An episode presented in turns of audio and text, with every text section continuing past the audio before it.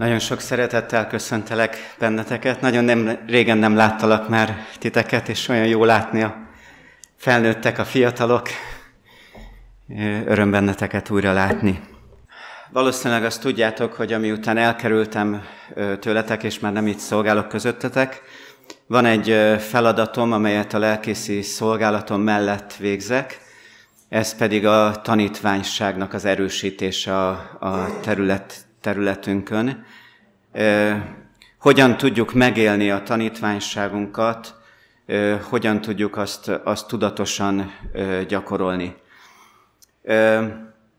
Azt tapasztaltam, ahogyan ezzel a kérdéssel foglalkoztam, hogy a, a tanítványság megélése az kezdetben eléggé tudatos és eléggé egyértelmű a keresztségre készülés folyamatában.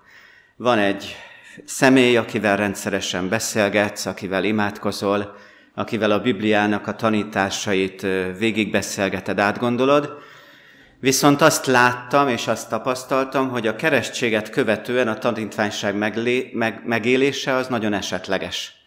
Te gyakorlatilag rád van bízva, hogy te hogyan éled meg, hogyan gyakorlod, mennyit élsz meg belőle. Ez, ez a, hát ha úgy tetszik, véletlenszerű hogy, hogy ez hogyan van a te életedben. Amikor megkaptam ezt a feladatot, akkor nagyon sokáig én szenvedtem azzal, hogy megismertem különböző módszereket, utakat, gondolatokat a tanítványsággal kapcsolatban, de egyikkel kapcsolatban sem volt az az érvés, érzésem, hogy, hogy na ez az. Valami olyasmi érzésem volt, hogy jó, jó, de, de valami hiányzik belőle. És uh, mielőtt tovább mennék és megosztanám azt, hogy mit találtam, azelőtt szeretnék egy kérdést feltenni nektek, és szeretném, hogy erre ti válaszolnátok majd nekem, hogy uh, gondoljuk végig közösen, hogy mi az, ami elengedhetetlenül szükséges ahhoz, hogy megéljük a tanítványságunkat, hogy növekedjünk a hitben, hogy növekedjünk az engedelmességben, a Krisztus követésében.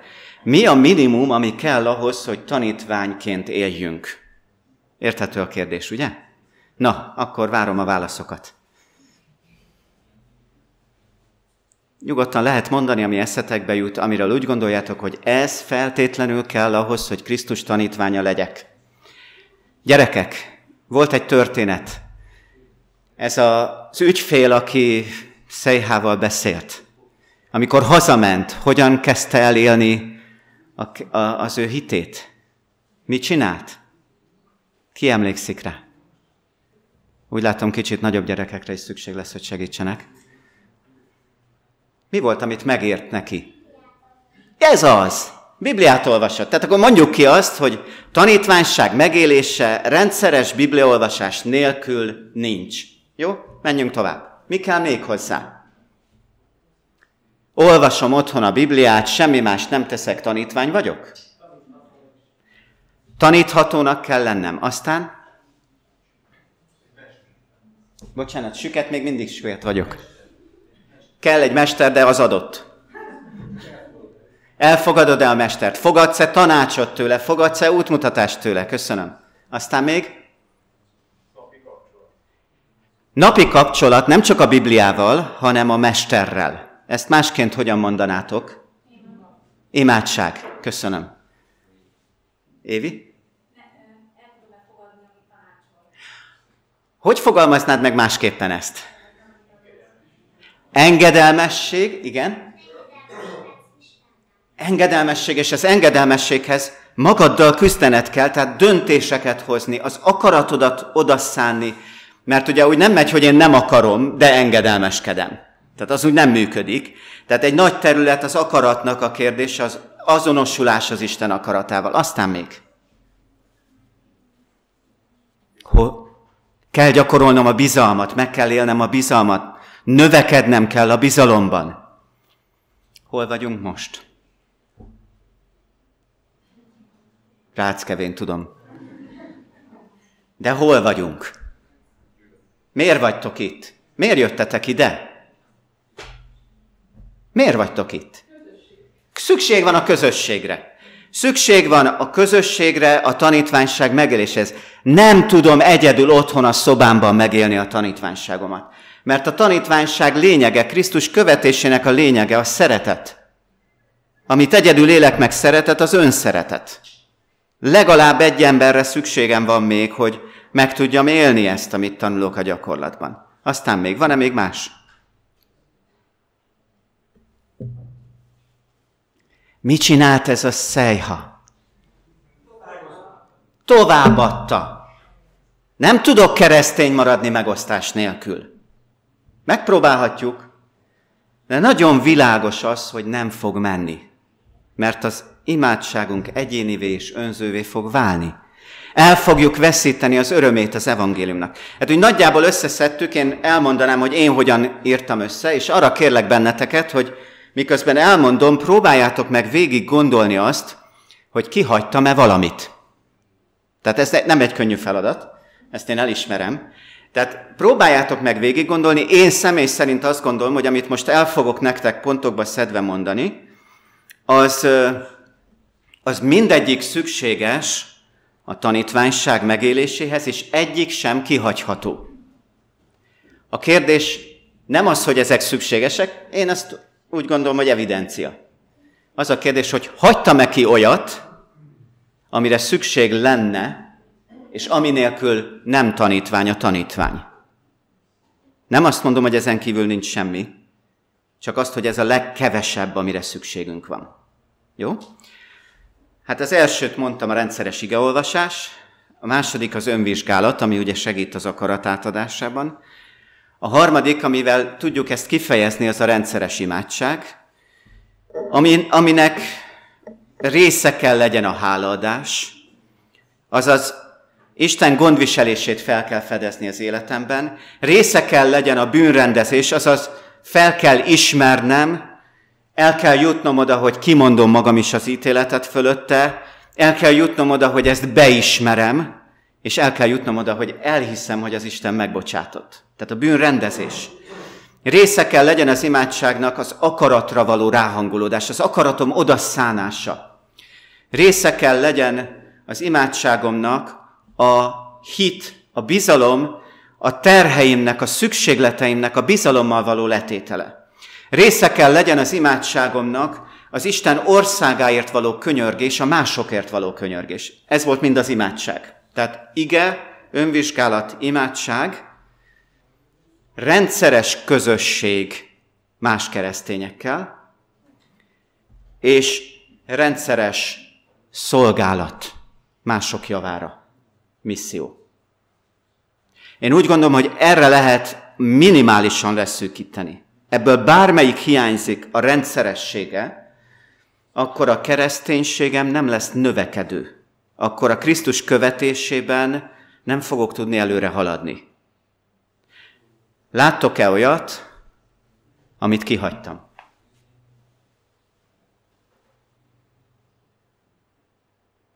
Sándor.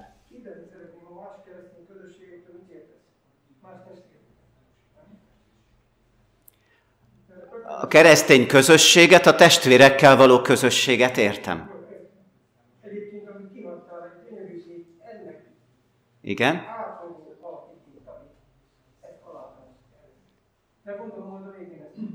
Na hát, csalódást fogok okozni neked, Sanyi bácsi. Ez olyan evidens számomra, hogy ennek átfogó alapigéjét nem hoztam ma nektek, tehát nem fogom föltenni az igéből kérdésként azt, hogy mi a tanítvány. Mert Szeretném hinni, hogy tudjátok, de ha nem a beszélgetésben elolvassuk az igéket ezzel kapcsolatban. Gondoljuk végig, hogy hogyan növekedhetünk, mit kell tennünk, mi által tudunk növekedni az egyes területeken. Hogyan tudunk növekedni az Isten ismeretében.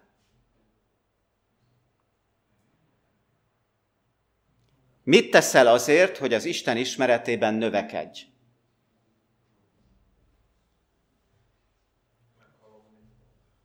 Meghallgatom, amit mond. Tehát ez elengedhetetlen az Isten igének a tanulmányozása.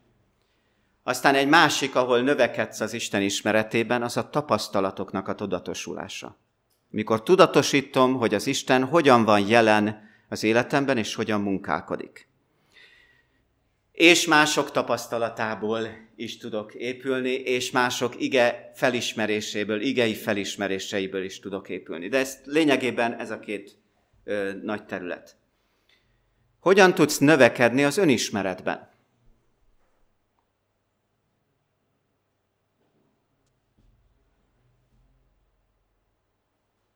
Sanyi?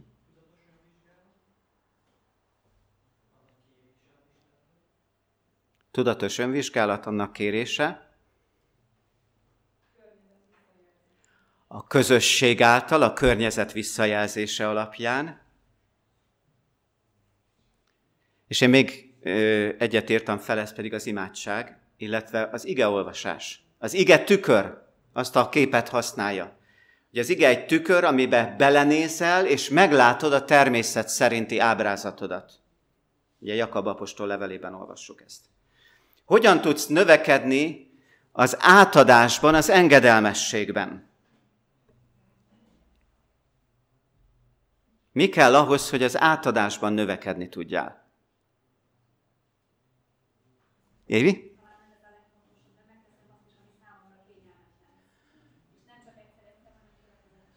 Igen, mondhatnám így, hogy fel kell emelni a lábadat, és előre kell lépni egyet, tehát gyakorolni kell, akkor is, hogyha kényelmetlen, ehhez pedig szükség van arra, hogy tudatosuljon benned, hogy mi van a szívedben. Tehát az önvizsgálat által, amikor látod, hogy te mást akarsz, és ezzel elindulhat egy következő nagyon fontos pont, az imádság, mert önmagadat imádságban tudod leginkább átadni, hogy a szívedben az átadás teljessé legyen, és igen, a közösség is segíteni tud, mert bátorítani tud. Hogyha, hogyha van egy olyan testvéred, aki azt mondod, hogy fölhívhatlak téged akkor, amikor kísértésben vagyok, fogsz velem imádkozni, fogsz beszélni a fejemmel, segíteni fogsz nekem? Hatalmas nagy segítséget jelent a közösség. És az igét itt se hagyjuk ki, mert amikor olvasod a Bibliában az Isten szeretetét, olvasod a Bibliában a bátorító történeteket, olvasod a Bibliában az Isten figyelmeztetéseit, akkor ezek belülről munkálják benned az akarást. Az Isten igéje ráhangol az Isten akaratára, formál téged, alakít téged. Hogyan tudsz növekedni a hitben?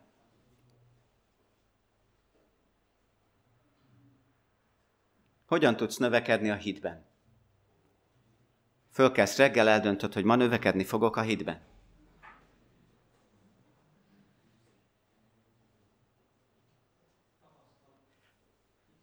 A tapasztalat, vagyis át kell élnem azt a helyzetet, ahol gyakorolnom kell a bizalmat, és tapasztalom, hogy az Isten megsegít. Tapasztalom az Isten szabadítását, amikor én beleengedem magamat abba az élethelyzetbe, ahol hatalmas nagy szükség van arra, hogy gyakoroljam a hitemet. De ezen kívül akkor tudok növekedni, ha olvasom a hitnek beszédét. Hitet ébreszt a szívemben, az Isten ígéreteit ismernem kell. Az imádságban tudom gyakorolni a ráhagyatkozást, hogy rábíztam azt a dolgot, rábíztam az aggodalmamat. És a közösségi tapasztalatok megint csak, amikor egymást hitálta, egymás hite által erősödünk és épülünk és a misszió által, mikor továbbadod azt, amiben hiszel. Ezek az útjai a növekedésnek a hitben. És az utolsó kérdés, növekedés a szeretetben. Hogyan tudsz növekedni a szeretetben?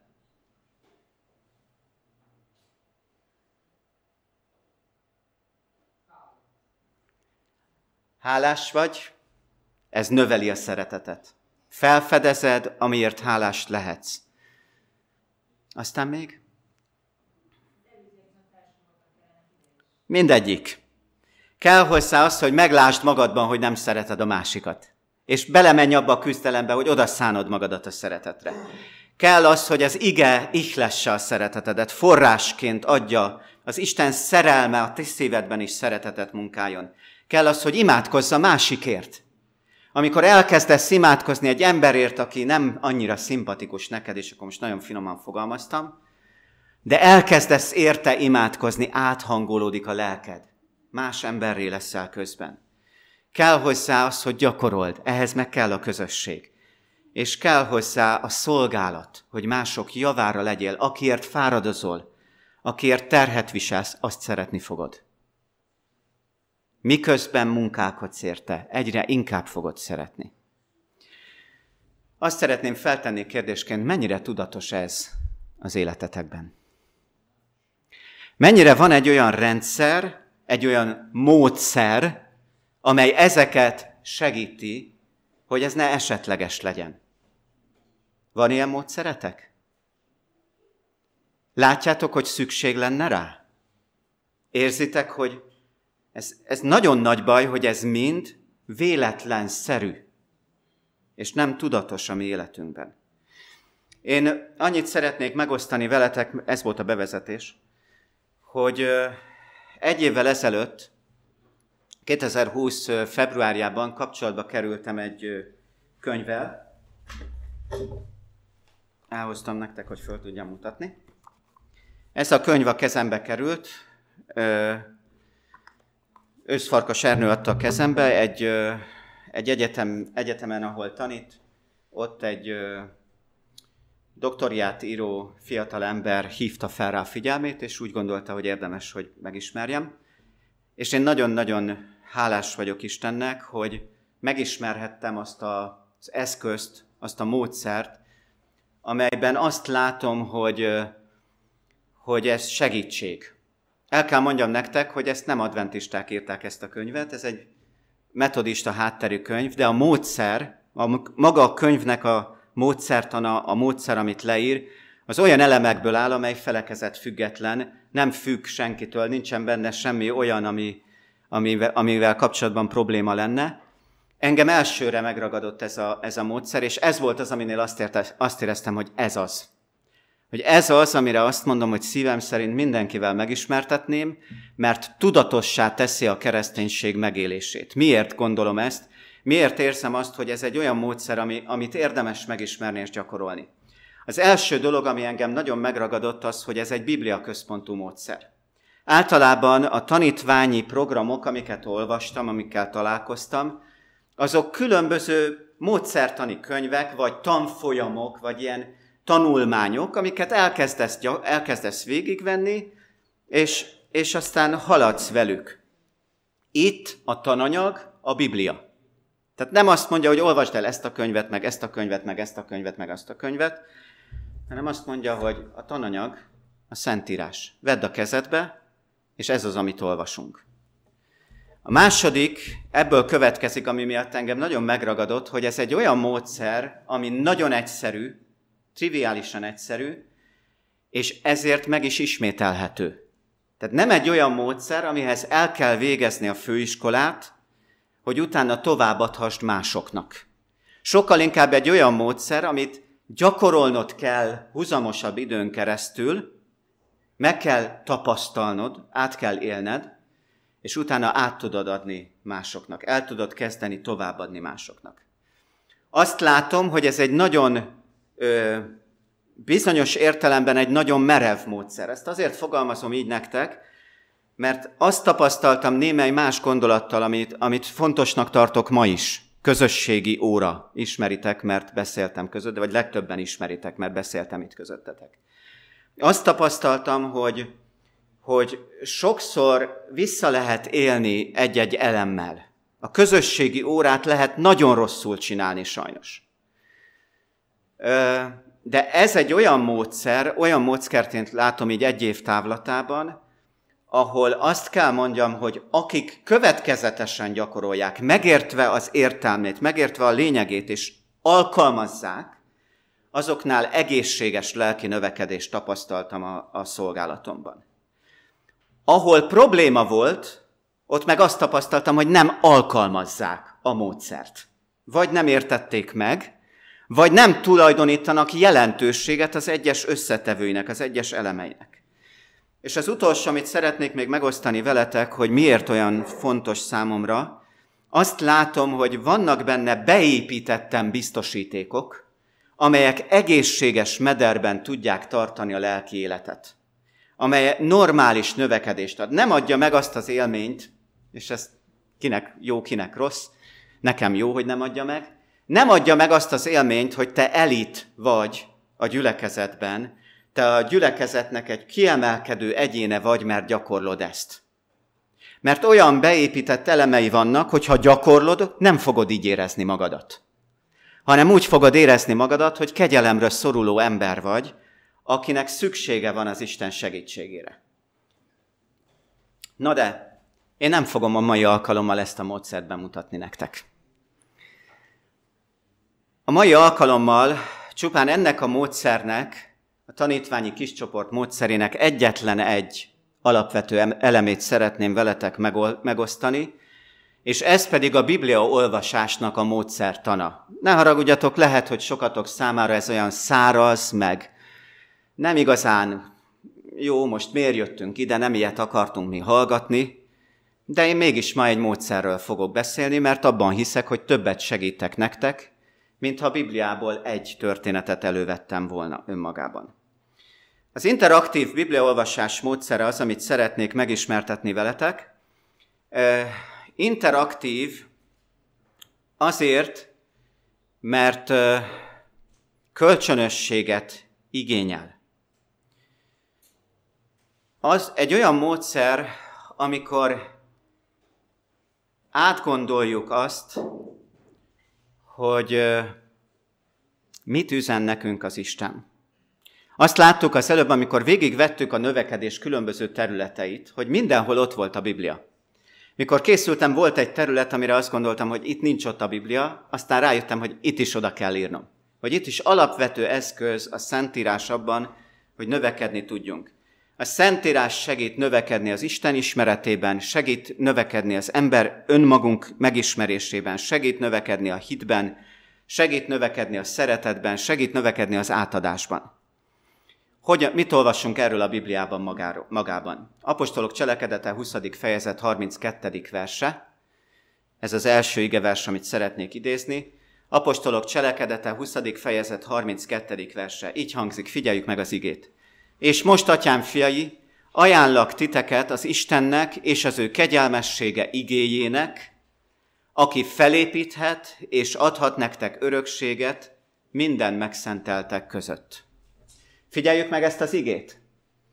Ajánlak titeket az Istennek és az ő kegyelmessége igéjének.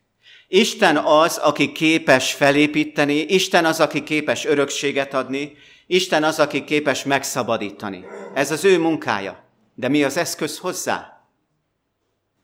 Ajánlak titeket az Istennek és az ő kegyelmessége beszédének, az ő kegyelmessége igéjének. Mert ezt a munkát ő az igéje által tudja végezni.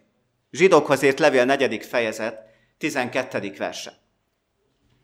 Zsidókhoz ért levél 4. fejezet, 12. verse. Mert az Istennek beszéde élő és ható, és élesebb minden kétélű fegyvernél, és elhat a szívnek és léleknek, az ízeknek és a velőknek megoszlásáig, és megítéli a gondolatokat és a szívnek indulatait. Isten beszéde, mint kétélű éles kart, szétvágja a dolgokat, és pontosan külön választja az önzésedet, és az Isten akaratának való alárendelőtésedet. Megmutatja, hol van a határ, megmutatja, hogy hol húzódik az a határvonal, amit át kell lépned, ahol, ahol arrébb kell tenned az engedelmesség felé természetesen a határaidat.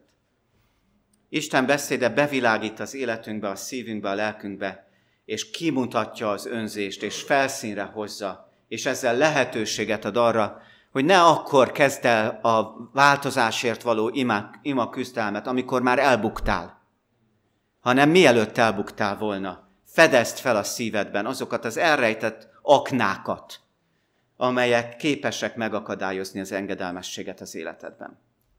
Tesszalonika első levél, második fejezet, 13. verse. Tesszalonikai első levél, második fejezet, 13. verse. Ugyanazért mi is hálát adunk az Istennek szüntelenül, hogy ti befogadva az Istennek általunk hirdetett beszédét nem úgy fogadtátok, mint emberek beszédét, hanem mint Isten beszédét, amint hogy valósággal az is, amely munkálkodik is ti bennetek, akik hisztek. Óriási különbség van a között, hogy Isten beszédeként fogadom az Úr beszédét, vagy mint egy emberi beszéd. Hát a Bibliát is csak emberek írták, ismeritek ezeket az érveket. Na nem is segít nekik. De annak, aki hittel fogadja, annak, aki azzal az alázattal fogadja, hogy így szól az Úr, annak a szívében azt olvassuk, hogy munkálkodik az Isten beszéde. Hatá- hatásos, hogy változást hozzon az Isten beszéde. És az utolsó Biblia vers, amit szeretnék olvasni most, Lukács Evangélium a 11. fejezet 28. verse. Lukács Evangélium a 11. fejezet 28. verse azt mondja, inkább boldogok, akik hallgatják az Isten beszédét, és megtartják azt. Nem csak hallgatják, de megtartják, és akik hallgatják és megtartják, hallgatják és követik, hallgatják és alkalmazzák az életükre, azok nem boldogtalanok lesztek. Ó, hát már ezt sem tehetem. Nem, azok boldogok lesznek. Szeretnék tovább menni ezen a gondolatmeneten, és szóba hozni azt, hogy a Biblia olvasásnak különböző fajtái vannak.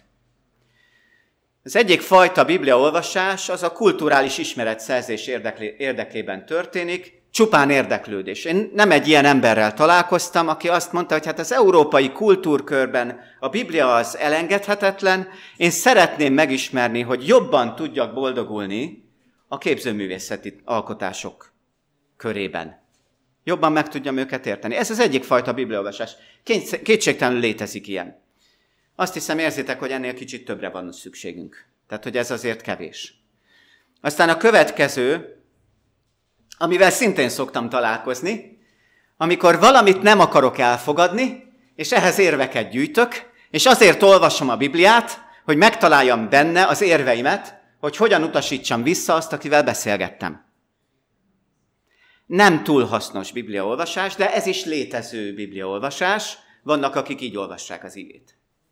Aztán egy következő fajta bibliaolvasás, amikor egy témát kutatunk az igében. Elpecsételés kérdése. Elhívásnak a kérdése. És akkor elkezdjük elejétől a végéig, és keressük azokat a szakaszokat, azokat a részleteket, amelyek arról a kérdésről szólnak. Ez is egyfajta bibliaolvasás. Aztán egy másik fajta bibliaolvasás, ez főleg az ige hirdetőknek a problémája, vagy gyakorlata, vagy a szombatiskai tanítóknak a gyakorlata, amikor készülsz egy téma előadására, készülsz egy, egy bibliakör megtartására, készülsz egy szombatiskola levezetésre. Ugye, akik csináljátok, tudjátok, miről beszélek. Ez teljesen másfajta bibliaolvasás. Amikor valamit el akarok majd mondani, teljesen másfajta bibliaolvasás. Aztán létezik olyan fajta bibliaolvasás, amikor egy-egy könyvet szeretnék áttekinteni.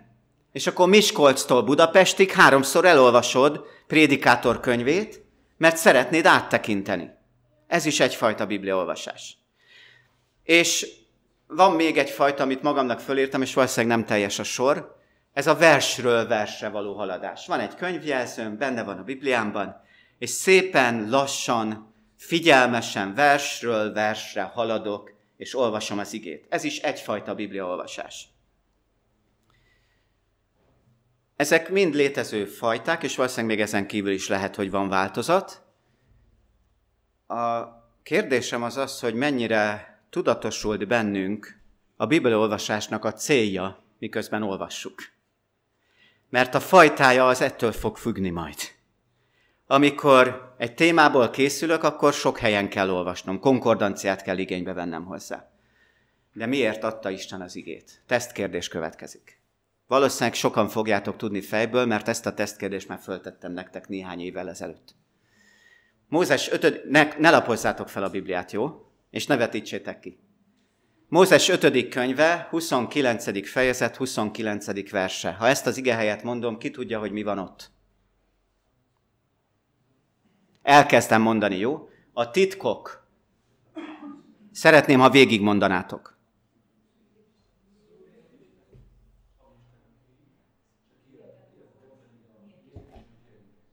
Köszönöm. Véget ért? Nem ért véget, ha megkérdeztem, biztos nem. Ki az, aki tudja a végét is? Azt hiszem, testvéreim, még néhányszor kell prédikálnom erről köztetek. Addig fogom kérdezni, míg nem tudjátok. Nyissátok ki az igét, és nézzétek meg. Tehát aki nem tudta, hogy mi van a végén, az legyen szíves fellapozni a Bibliáját, és olvassuk el. Akinek nincsen Biblia, segítsetek azzal, hogy kivetítitek 5. Mózes 5. könyve, 29. fejezet, 29. verse.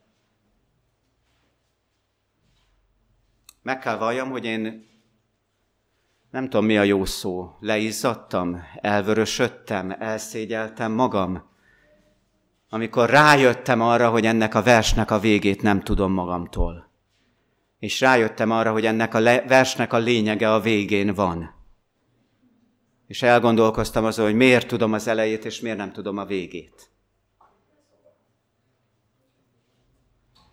A titkok az úréi, ami Istenünkéi, a kinyilatkoztatott dolgok pedig a mieinké és a mi fiainké mindörökké, és most jön a lényeg. Azért, hogy a törvénynek minden igéjét beteljesítsük. Azért, hogy a törvényt megtartsuk. Azért, hogy meg tudjuk élni. Erre adta Isten az igét.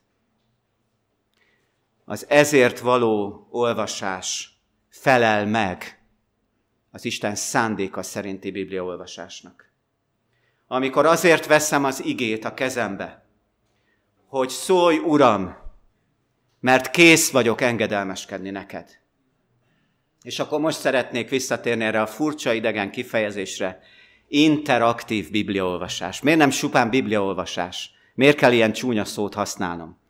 Ez a kifejezés azt jelenti kölcsönös, közvetlen kapcsolaton alapuló, a néző részvételét is megkövetelő, két, irány, két irányú párbeszéden alapuló. Vagyis egy olyan bibliaolvasás, ahol nem csak az Isten szól hozzám, hanem szervesen hozzátartozik, hogy én pedig szólok az Istenhez.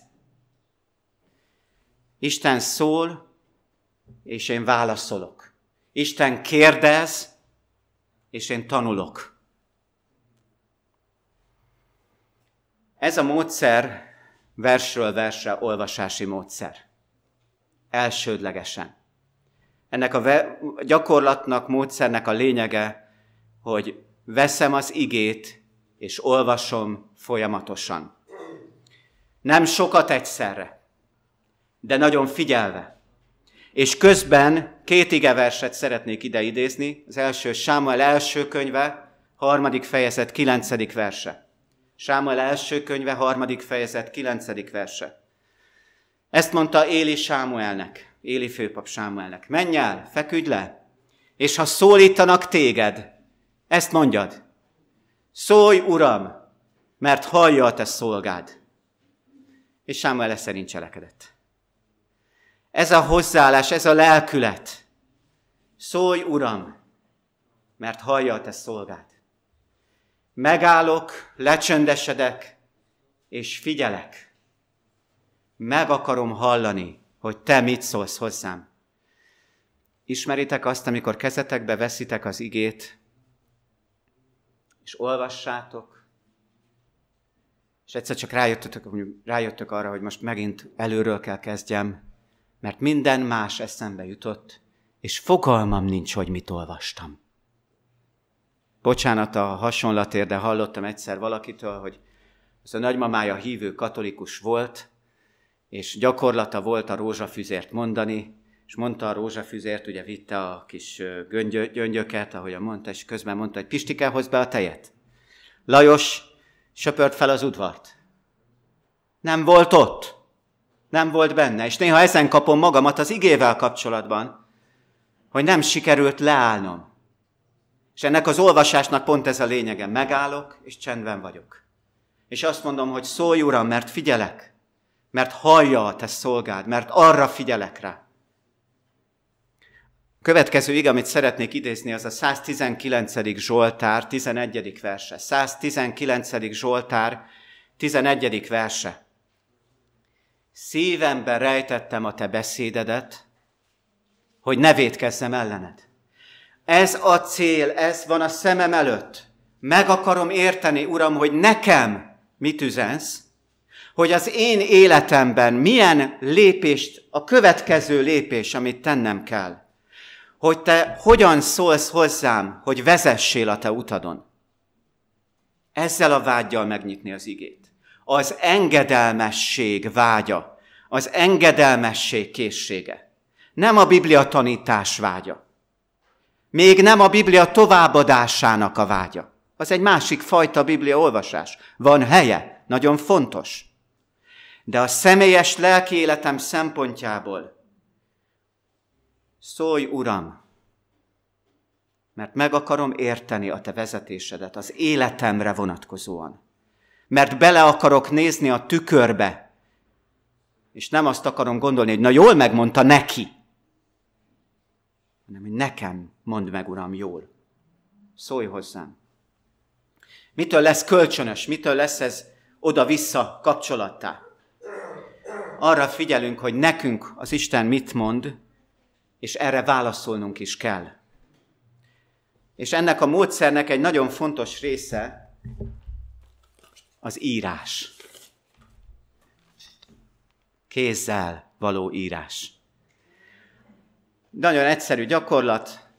Fogod, amit az Isten üzent, ami megszólított, amire oda kell figyelned, ami beleakadt a lelkedbe, és valamit elgondolkoztatott, valamit előhívott belőled, és kiírom.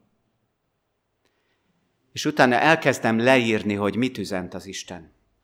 Hogy mi volt az, amire rámutatott, mi volt az, amivel megszólított, mi volt az, amire késztetett.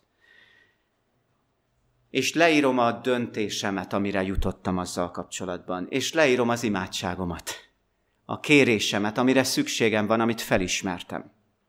És időnként visszatekintünk, és elgondolkozunk azon, hogy mennyiben változtatott meg bennünket, mennyiben segített. Ebből a könyvből, amit mutattam nektek, és már nem tudom, hova tettem, van egy fejezet, ami ezzel foglalkozik. Ennek a gondolatát, a vázlatát szeretném csak röviden összefoglalni nektek. Az első gondolat az, hogy a programjainkat megszervezzük. Remélem mindegyikőtöknek van naptára, mert anélkül már nem nagyon lehet élni, és egy papírra legalább, amire fölírom, hogy mik a feladataim. Ha a programjainkat megszervezzük, átgondoljuk, tudatossá tesszük, a bibliaolvasást nem kell megtervezni? A következő gondolat, hogy a bibliaolvasás kölcsönös, interaktív kell, hogy legyen, mert akkor gyakorol csak maradandó hatást. Ha csak meghallgattam passzívan, de nem válaszoltam, akkor nem, nem, nem idézett elő túl nagy változást az életemben. Ennek a fajta tanulmányozásnak pedig ö, fontos része a naplóvezetés, ami segít az olvasásra összpontosítani, a gondolatokat elmélyíteni, rögzíteni, és később újra felidézni. Nagyon érdekes tapasztalat volt számomra, sajnos ezt nem kerestem ki, úgyhogy nem fogom megmutatni nektek, csak emlékszem egy ilyen élményre, hogy olvastam valamit a Bibliában, megszólított, megérintett. És amikor nekiálltam, hogy leírjam tollat véve a kezembe, elkezdtem írni, és egy egészen más dolgot tudott elém hozni, miközben átgondoltam. És az, amit elsőre gondoltam, fontos maradt, de ami előjött, az még fontosabbá vált számomra. Imádsággal kezdjük az olvasást. Szükségünk van arra, hogy nyitott legyen a szívünk, mert hogy a második alapelve ennek a módszernek, az első az, hogy a tananyag a Biblia, a második, hogy a tanító az maga Isten. Azt tanulom, hogy hogyan figyeljek Isten lelkére, hogyan szól hozzám az Isten, és én hogyan tudom megismerni az Isten lelkének a hozzám szóló szavát. A következő tanács, hogy lassan és figyelmesen olvassunk. A Szentlélek a tanár, ezért különösen figyeljünk arra, amit ő hoz elénk. Húzzuk alá azokat a szavakat, mondatokat, amelyek megszólítottak, amelyek fontosak a mi számunkra. A szakasz elolvasása után újraolvassuk el az aláhúzott részeket, miközben azért fohászkodunk, hogy meghalljuk Isten vezetését belőle. A naplóban nyitunk egy új, új oldalt, és leírjuk mindazt, amit a Szentlélek mondott. A napló vezetésnek négy része van. Kiírjuk a Bibliából a verseket, részleteket, igehelyjel együtt, amire felfigyeltünk, amire ráirányította a figyelmet a Szentlélek. Megnézzük a kiemelt versek szövegkörnyezetét is, és gondolkozunk azon, hogy hogyan érthetjük meg ezt a szakaszt, és leírjuk, amit megértettünk belőle, és megpróbáljuk elmondani, amit megértettünk, amit kiírtunk. A harmadik, hogy válaszolunk a következő kérdésekre. Mit jelent ez a vers a te életedben? A te életedben személyesen. Mire hív Isten? Mit kell tenned? Mire indít, hogy ne felejtsd el? Min fogsz változtatni ennek fényében? Hogyan tudod megélni az engedelmességet Isten iránt? És ezután leírja az imádságot, ezt tanácsolja, fogalmazzuk meg a kéréseinket és az elhatározásainkat írásban. És az ötödik pontja, az utolsó pontja ennek a fejezetnek, hogy amennyire lehet, kerüljük, ezt a, kerüljük a modern technikai eszközöket, Ctrl-C, Ctrl-V számítógépen nem segíti ezt a folyamatot. Ne használjunk telefont, mert elvonja a figyelmet, bejön egy üzenet, és elkezded elolvasni, rögtön kizökkentél. Hanem használj papír alapú Bibliát, és használj tollat és papírt, és saját kezeddel írj kézzel írj. Azért nagyon fontos, mert ezek lelassítanak bennünket, és miközben lelassulunk, aközben több időt adunk Istennek arra, hogy szólhasson hozzánk. Szeretnék egy néhány illusztrációt felolvasni nektek a naplomból, annak megmutatására, hogy hogyan tudott az Isten szólni hozzám. El kell mondjam azt, hogy ez a fajta kérés, keresés, ez egy része csak, hogy megértem a bibliai tanítást és összefüggést. Én nem mondom, hogy ez nem fontos. Ez is benne van. Időnként rájövünk egy-egy tanításra az olvasás közben. Jé, ez nem is tudatosult bennem eddig. De van egy olyan része, amely nem a megértése a tanításnak, hogy így mondjam, nem az az üzenet, amit írás magyarázati szempontból tartalmaz a szöveg. Nem tudom, hogy ez így érthető ez számotokra. Tehát van a Biblia üzenete írás magyarázati szempontból. Ez egy nagyon fontos üzenet. És van egy másik része, amikor nem tudom megmagyarázni, hogy miért, de az Isten megszólít, és kapok egy üzenetet, ami viszont nem az írás magyarázati értelme annak a szakasznak. Mindjárt érteni fogjátok a legelső példából. Jobb könyve elején van az a részlet, amikor Jobbnak a felesége azt mondja, Károli fordításban, hogy átkozd meg az Istent, és haj meg. Köszönöm szépen. El tudjátok képzelni, hogy ezen keresztül Isten tud üzenni neked valamit? Én átéltem. Nagyon érdekes volt, nem tudtam mit tenni, átéltem. Más fordításban egyébként úgy szerepel, hogy áldjad az Istent és haj meg. Hát egy fokkal jobb, de ez sem túl jó. Amit én miközben ezt olvastam, és úgy a szívembe hasított, az a gondolat volt, így, így írtam le, le magamnak, becsüld meg Valit, ő a feleségem, ha nem tudnátok, becsüld meg Valit, mert ő nem úgy szól, mint Jobb felesége, sőt sokkal inkább Isten félelemre bátorít. Isteni üzenet? Kedves férjek, igen. Becsüld meg a feleségedet. Becsüld meg, hogy Isten félő, becsüld meg, hogy jó befolyással van az életedre. Na aztán egy másik példát hadd hozzak. Hogyha fellapozzátok Mózes negyedik könyve hetedik fejezetét, akkor egy nagyon nehéz fejezettel találkoztok. Mózes negyedik könyve hetedik fejezete számomra azért volt nagyon nehéz fejezet, mert a következőt ismétli folyamatosan. Amikor befejezte Mózes a hajlék fölállítását, föl, fölkente és fölszentelte az egész felszerelésével együtt, az oltárt is egész felszerelésével együtt felkente és felszere, felszentelte azokat. Akkor oda járultak Izrael fejedelmei, a nagycsaládok fejei, ők voltak a törzsek fejedelmei, akiket a számba vettek, éle, élen, a számba vettek élén álltak, és oda vitték áldozatokat az Úr elé. Nem olvasom most végig, de az a döbbenetes, hogy a fejezet tizenkétszer leírja szóról szóra ugyanazt. Mert minden egyes törzs feje ugyanazt az ajándékot vitte Istennek. Én becsülettel végigolvastam az egész fejezetet, de nem volt könnyű. Nem lapoztam át, de nem volt könnyű.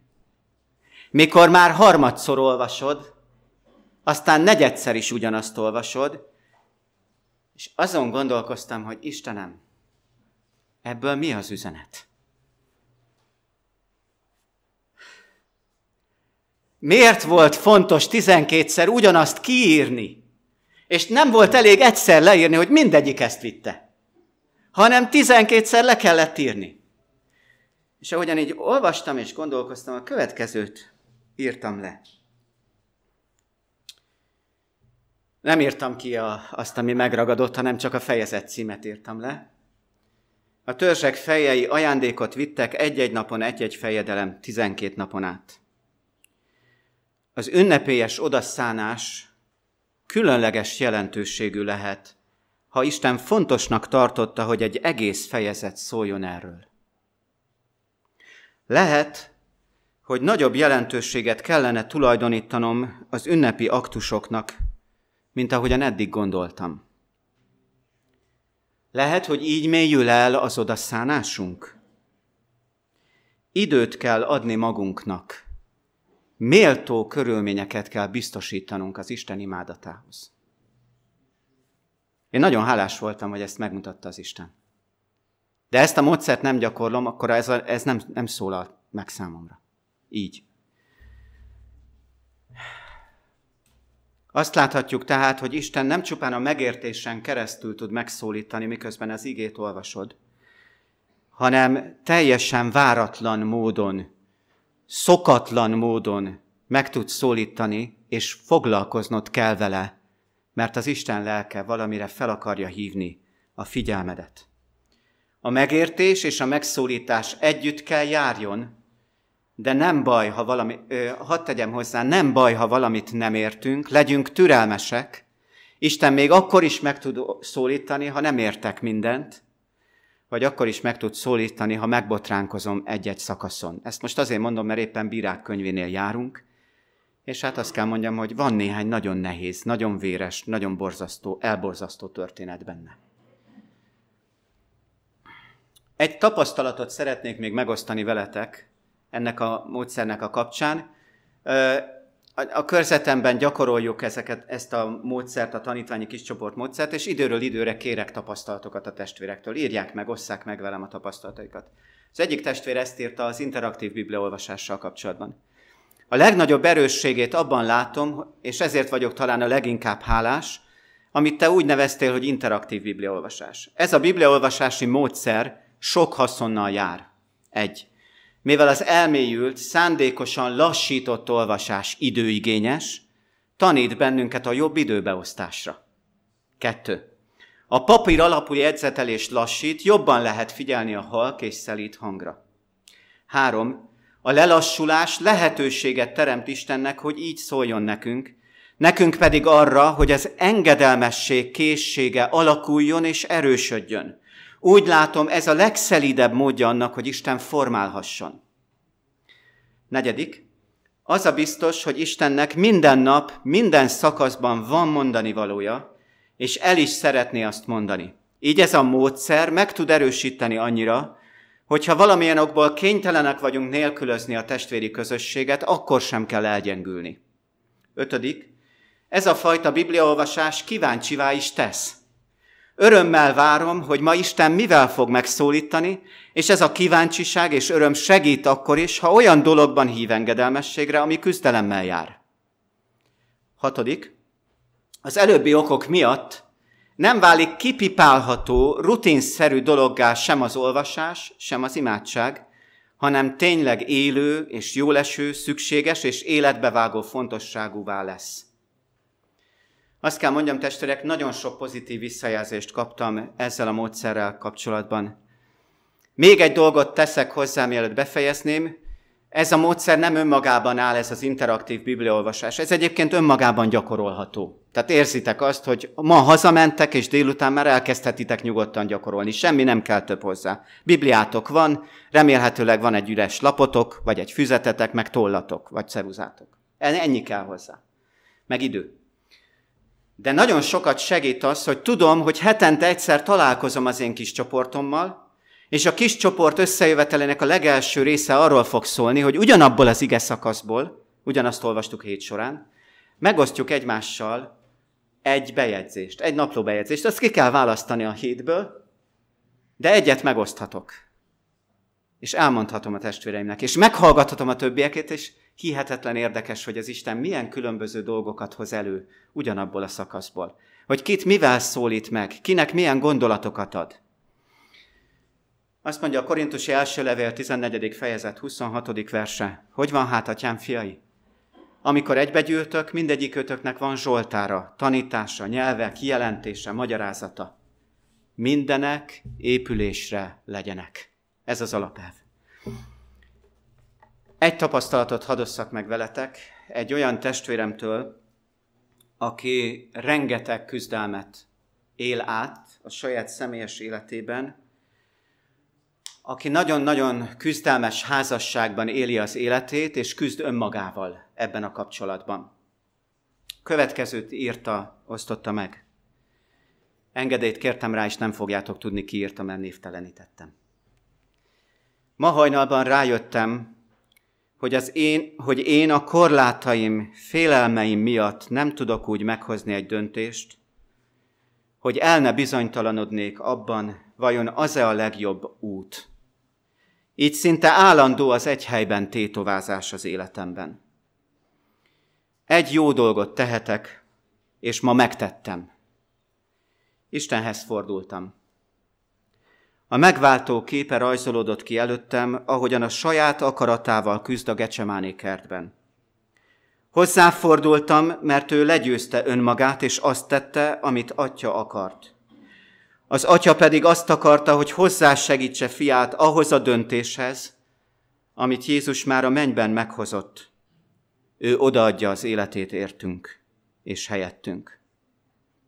Ezért Jézus tud utat mutatni abban, hogyan adjam át akaratomat és döntéseimet neki. Csak így közeledhetek a legjobb megoldás felé. Ezért elkérem a következő lépés forgatókönyvét, kérek hozzá erőt, és megfontolás nélkül szeretnék lépni hitben. Ez a lépés a javamra lesz. Ezt a lépést a szeretet forrása készíti elő. Ez volt az, amit megosztott velünk a heti napló bejegyzéséből. Kedves testvéreim, én azzal szeretném bezárni ezt az alkalmat, hogy én szeretnék mindenkit bátorítani arra, hogy próbáljátok ki. Próbáljátok ki a gyakorlatban ezt a módszert, én minőségi különbséget tapasztaltam a saját személyes életemben, a korábbi olvasáshoz képest, hogy így olvasom, és minőségi különbséget látok azok életében, akik ezt gyakorolják, és látom a különbséget, hogyha valaki csak végigolvassa a heti szakaszt, nem kis dolog, és gondolkodik rajta, és a között, aki nem csak végigolvassa, nem csak gondolkodik rajta, de veszi az időt és a fáradtságot, és a küzdelmet, és a lelki munkát, és leül, és ír. Minőségi különbséget látok a kétféle bibliaolvasás között is. Áldjon meg az Isten benneteket ebben. Amen. Mennyei atyánk, nem tudjuk eléggé megköszönni neked azt, hogy kezünkben lehet a Szentírás, és forgathatjuk, olvashatjuk azt napról napra. És szeretnélek kérni, hogy áldj meg mindenkit, aki hallotta ma ezeket a gondolatokat, ezt a felhívást, ezt az eszközt, amit megismerhettünk. És kérlek ad, hogy a te beszéded élő, eleven, életet átformáló hatalom lehessen, hogy azzal a lelkülettel tudjuk kezünkbe venni az igét, hogy szólj, mert halljuk, amit mondasz. Mert az a készség van bennünk, hogy befogadjuk a Te igédet, szívünkbe rejtsük és engedelmeskedjünk neked. Köszönjük, hogy a Te igédnek van hatalma, átformálni mennünket, megadni mindazt, amire szükség van ahhoz, hogy a te gyermekeidként növekedő, engedelmes életet él, élhessünk. Kérlek, áldj meg mindenkit, aki itt volt, aki hallgatta ezt. Kérlek, te buzdíts fel, hogy kipróbáljuk, és kérlek, te adj személyes tapasztalatot arról, hogy te válaszolsz, amikor mi engedelmesség készségével jövünk hozzád, a vágyjal, hogy vezesd az életünket, akkor te szólni fogsz hozzánk, hozzánk megértésen keresztül, vagy akár egyszerűen egy igeverset megszólaltatva, a te szent lelket bevilágít az életünkbe úgy, ahogyan neked tetszik, Urunk. Áldj meg mindannyiunkat, kérlek, Jézus nevében, és add, hogy növekedő, hívő életet élhessünk. Amen.